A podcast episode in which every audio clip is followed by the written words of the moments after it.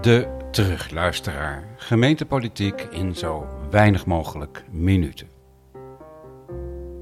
Mijn naam is Erik van der Velde. Ik zit de Amersfoortse Raad op de huid middels samenvattingen en het leveren van commentaar. Ja, daar zijn we heel blij mee dat wat dat betreft dit een soort co-creatie is waarbij het uh, toch ook wel weer zoeken was naar... Van... Amersfoort krijgt een burgerraad. Het initiatief kwam van buiten, van bewoners. Werkgroep, waarin ook raadsleden zitting namen, ging aan de slag. En dat resulteerde uiteindelijk in een plan van aanpak waar op 30 januari 2024 een klap op werd gegeven. We steken dit in met echte bedoeling om... Uh, het, democratisch palet zeg maar, uit te breiden. We willen dit niet eenmalig doen en dat was het. Um, want dan kunnen we wat mij betreft net zo goed stoppen.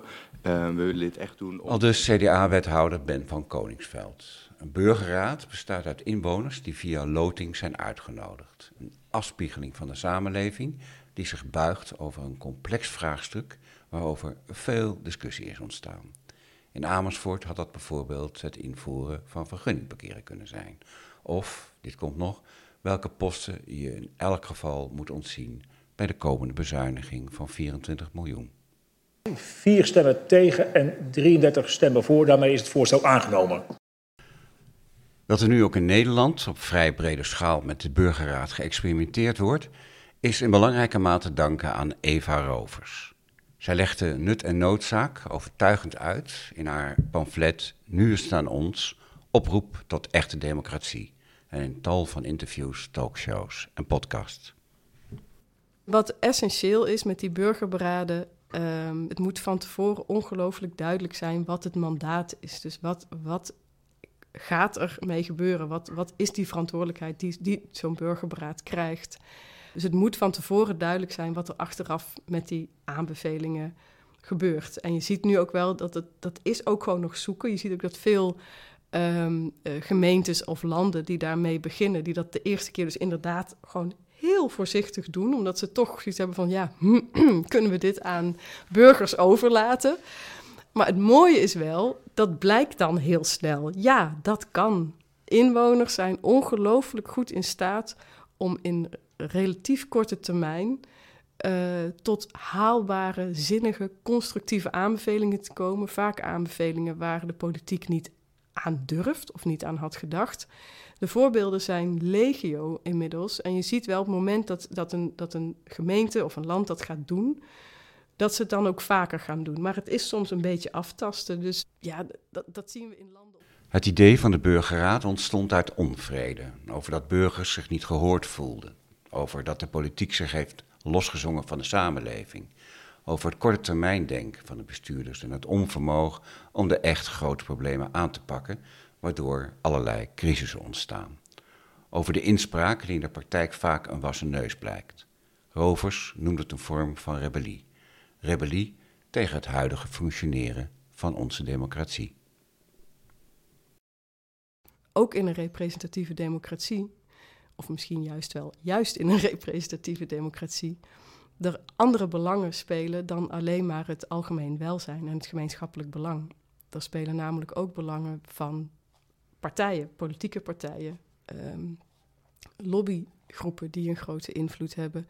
Uh, het winnen van de volgende verkiezingen, waardoor de horizon van veel politici gewoon ook echt niet heel veel langer is dan vier jaar. Wat je ze ook bijna niet kwalijk kan nemen, want dat is gewoon de red race waar ze in zitten. Maar dat zorgt er wel voor dat er heel vaak beslissingen worden genomen die niet echt toekomstbestendig zijn. De burgerraad pakt het onderwerp in al zijn complexiteit aan en wordt erbij voorzien van alle informatie en deskundigheid waar tijdens het delibereren behoefte aan ontstaat. Wel zijn er vooraf duidelijke kaders gesteld aan het gevraagde advies, juridisch, financieel en wat er verder noodzakelijk is voor de praktische haalbaarheid. Waarom vertrouwen politici burgers niet? Omdat ze vaak alleen maar die woede zien. En dat, dat komt deels omdat mensen pas vaker van zich laten horen als ze boos zijn. Dan gaan ze naar een inspraakavond, dan gaan ze naar een protest. Dus je kan het ze ook niet helemaal kwalijk nemen dat ze af en toe denken: jeetje, weet je, moeten we, moeten we deze mensen nou vragen om tot, uh, tot hele weloverwogen uh, aanbevelingen te komen? En dan zeg ik, ja, dat moet je doen. Want door die verantwoordelijkheid te geven en door inderdaad te zeggen, en dat vertrouwen te geven, verandert er iets in de dynamiek. En op het moment, kijk, deze mensen zijn ook zo boos omdat ze zich volstrekt ongehoord voelen. Omdat ze zich volstrekt niet beschermd en niet vertegenwoordigd voelen door hun volksvertegenwoordigers. Dat is waar uh, een groot deel van de, van de frustratie zit. Eigenlijk is die woede een soort um, uh, cadeautje aan de politiek. In de zin van, je kan dat ook zien als betrokkenheid. Kennelijk maken mensen zich zo druk over iets dat ze bereid zijn om de straat op te gaan. Dat ze bereid zijn om hun vrije tijd te besteden om dit te agenderen. Alleen kennelijk is, het, uh, is de uh, frustratie zo hoog opgelopen dat, er geen, dat ze geen andere manier meer voelen dan via woede. Maar er zit betrokkenheid onder. En het is dan aan de. Het is, eigenlijk moet je als politiek dan durven zeggen. Oké, we zien dat hier uh, onvrede is, dat hier woede is. Help ons dan. Hoe kunnen we dit oplossen? In plaats van heel um, ja, paternalistisch te gaan zeggen van, ah, weet je, we gaan het nog een keer uitleggen waarom dit zo belangrijk is. Nee, da daar zit het probleem niet. Mensen snappen waarom. Deze fragmenten zijn afkomstig uit een podcast van VPRO's Tegenlicht. Alles wat wij de politiek kwalijk nemen, doen we eigenlijk zelf ook. We luisteren zelf inderdaad ook verrekte slecht naar anderen.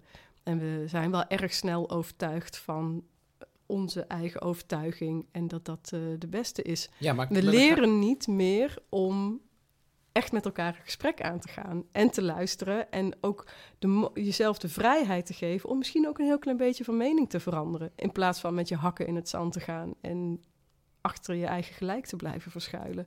Um, aan de andere kant denk ik dat er ook heel veel mensen zijn die zichzelf helemaal niet per se aan één of andere kant van het spectrum plaatsen. En misschien bij het ene onderwerp denken, ja, ik, kan me, ik herken me in deze standpunten, die dan misschien globaal rechts zijn. Uh, en bij een totaal ander onderwerp zich veel meer uh, aan de linkerkant van het spectrum begeven. En ik denk dat dat ook iets is waar we veel meer naartoe moeten. Dat je gewoon. Um, dat je dat gewoon als een soort spectrum kan zien, waar afhankelijk van het onderwerp uh, een bepaalde plaats in dat spectrum inneemt. Dat het eigenlijk ook helemaal niet interessant is. Dat, dat, vind ik, dat vind ik eigenlijk het meest uh, frustrerende eraan.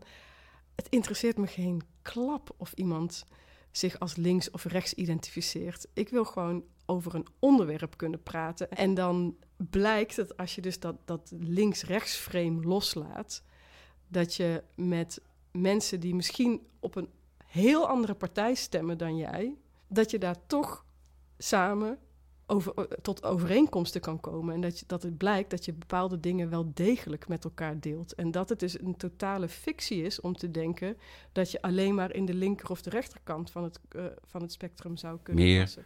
op de eigen site van Eva Rovers. Van harte aanbevolen. Nu dan de Amersfoortse werkelijkheid. Er blijkt sprake te zijn van heel veel koudwatervrees.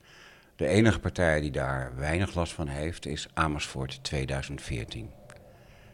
En toch ook weer niet, zij het om een heel andere reden dan de vrees voor het delegeren van verantwoordelijkheden aan zomaar burgers. En een van de kernpunten van deze grote burgerraad is, is dat wij inderdaad het vertrouwen terug willen werken.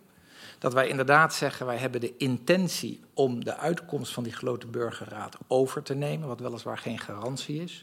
Maar we hebben in al die discussies die wij met elkaar gehad hebben, veelvuldig gezegd dat die intentie echt heel belangrijk is voor de geloofwaardigheid van die grote burgerraad. En wat wij nu afgelopen...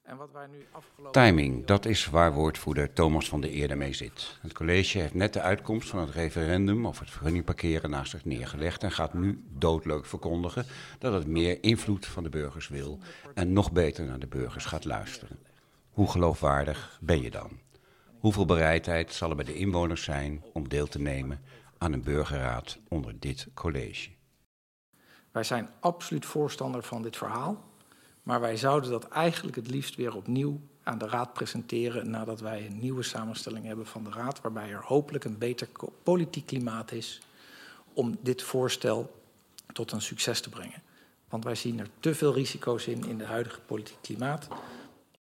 Graag had die terugluisteraar nu D66 aan het woord gelaten. De partij die enerzijds de burgerraad als geen ander omarmt en die anderzijds leidend was in het naast neerleggen van de uitkomst van het referendum. Maar D66 schoof voor dit dossier het jongste en minst ervaren raadslid naar voren, de trainee, zeg maar. Als Lisa Overmars al het woord vroeg, dan was het voor een paar zinnen. Dat is geen kritiek op haar, wel op haar partij. Bestuurlijke vernieuwing is van oudsher een kroonjuweel van D66. Al vreemd dat je dat onderbrengt bij een CDA-wethouder, niet echt een partij die bol staat van vernieuwingsdrift, maar zet dan tenminste je beste er beter in. Ja, dank u wel, voorzitter. Ik heb een beetje het idee dat ik weer in de evaluatie van het referendum terecht zijn gekomen. Zoals GroenLinks, die in de persoon van fractievoorzitter Bram Leeuwenkamp wel de handschoen oppakte. De, de woorden die zijn gebruikt tijdens die raadsvergadering, die hebben mij ook wel wat gedaan. Dus ik denk echt dat het goed is dat we daar als raad, ik weet niet of we daar een commissie of gewoon een keer in de kroeg over spreken met elkaar. Want ik denk dat het goed is dat dat van tafel gaat. Uh, want we moeten ook verder. Dat gezegd hebbende, vind ik dit, de Geloten Burgerraad, en dat heb ik al in de vorige, raads, in de vorige commissievergadering gezegd, uh, nog voor het referendum heeft plaatsgevonden, uh, een veel beter instrument dan een referendum. Het is veel diepgravender. Het, er zit een uh, gesprek van dialoog in, in plaats van een plat voor of tegen. Uh, dus ik heb er juist wel uh, vertrouwen in om met dit experiment aan de slag te gaan. Het kan ook zijn dat we na drie jaar met elkaar concluderen: hmm, het is het toch niet geweest. Ja, dat, dat is dan spijtig, maar helaas, maar we hebben het wel aangedurfd met elkaar.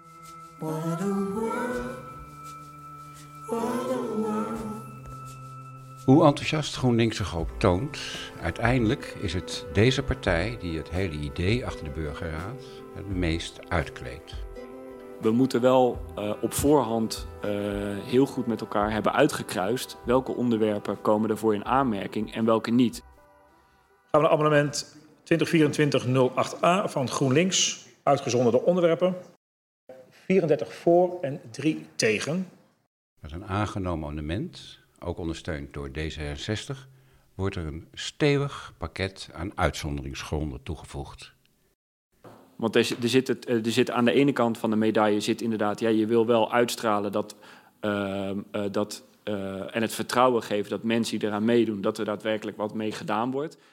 Vrij vertaald, hou je onderwerp klein en niet al te controversieel, dan wordt de kans groter dat je advies van het burgerraad kunt overnemen en dat er dus ook geen gevaar voor een vertrouwensbreuk met de burger ontstaat.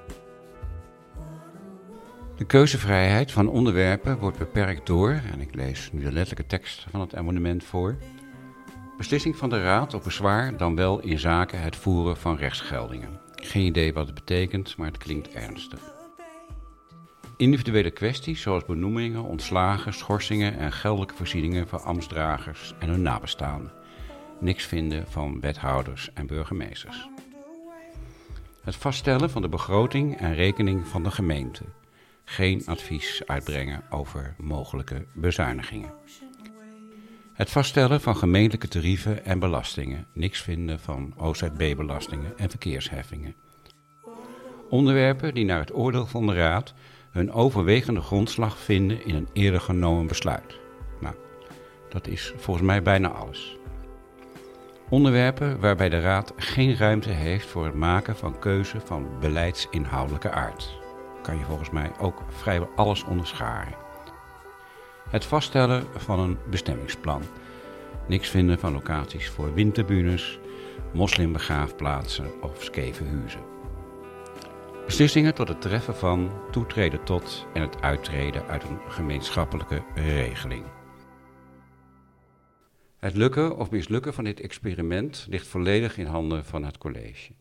Komt er geen onderwerp door de ballotage dat voldoende ingeloten burgers weet te motiveren, dan weet het volgende college in elk geval waar het 2 ton aan bezuiniging kan halen. De 2 ton die nu voor dit drie jaar durende experiment is gereserveerd. Op naar de volgende vergadering. Nog steeds welgemoed met een tikkeltje zuur en een tikkeltje zoet.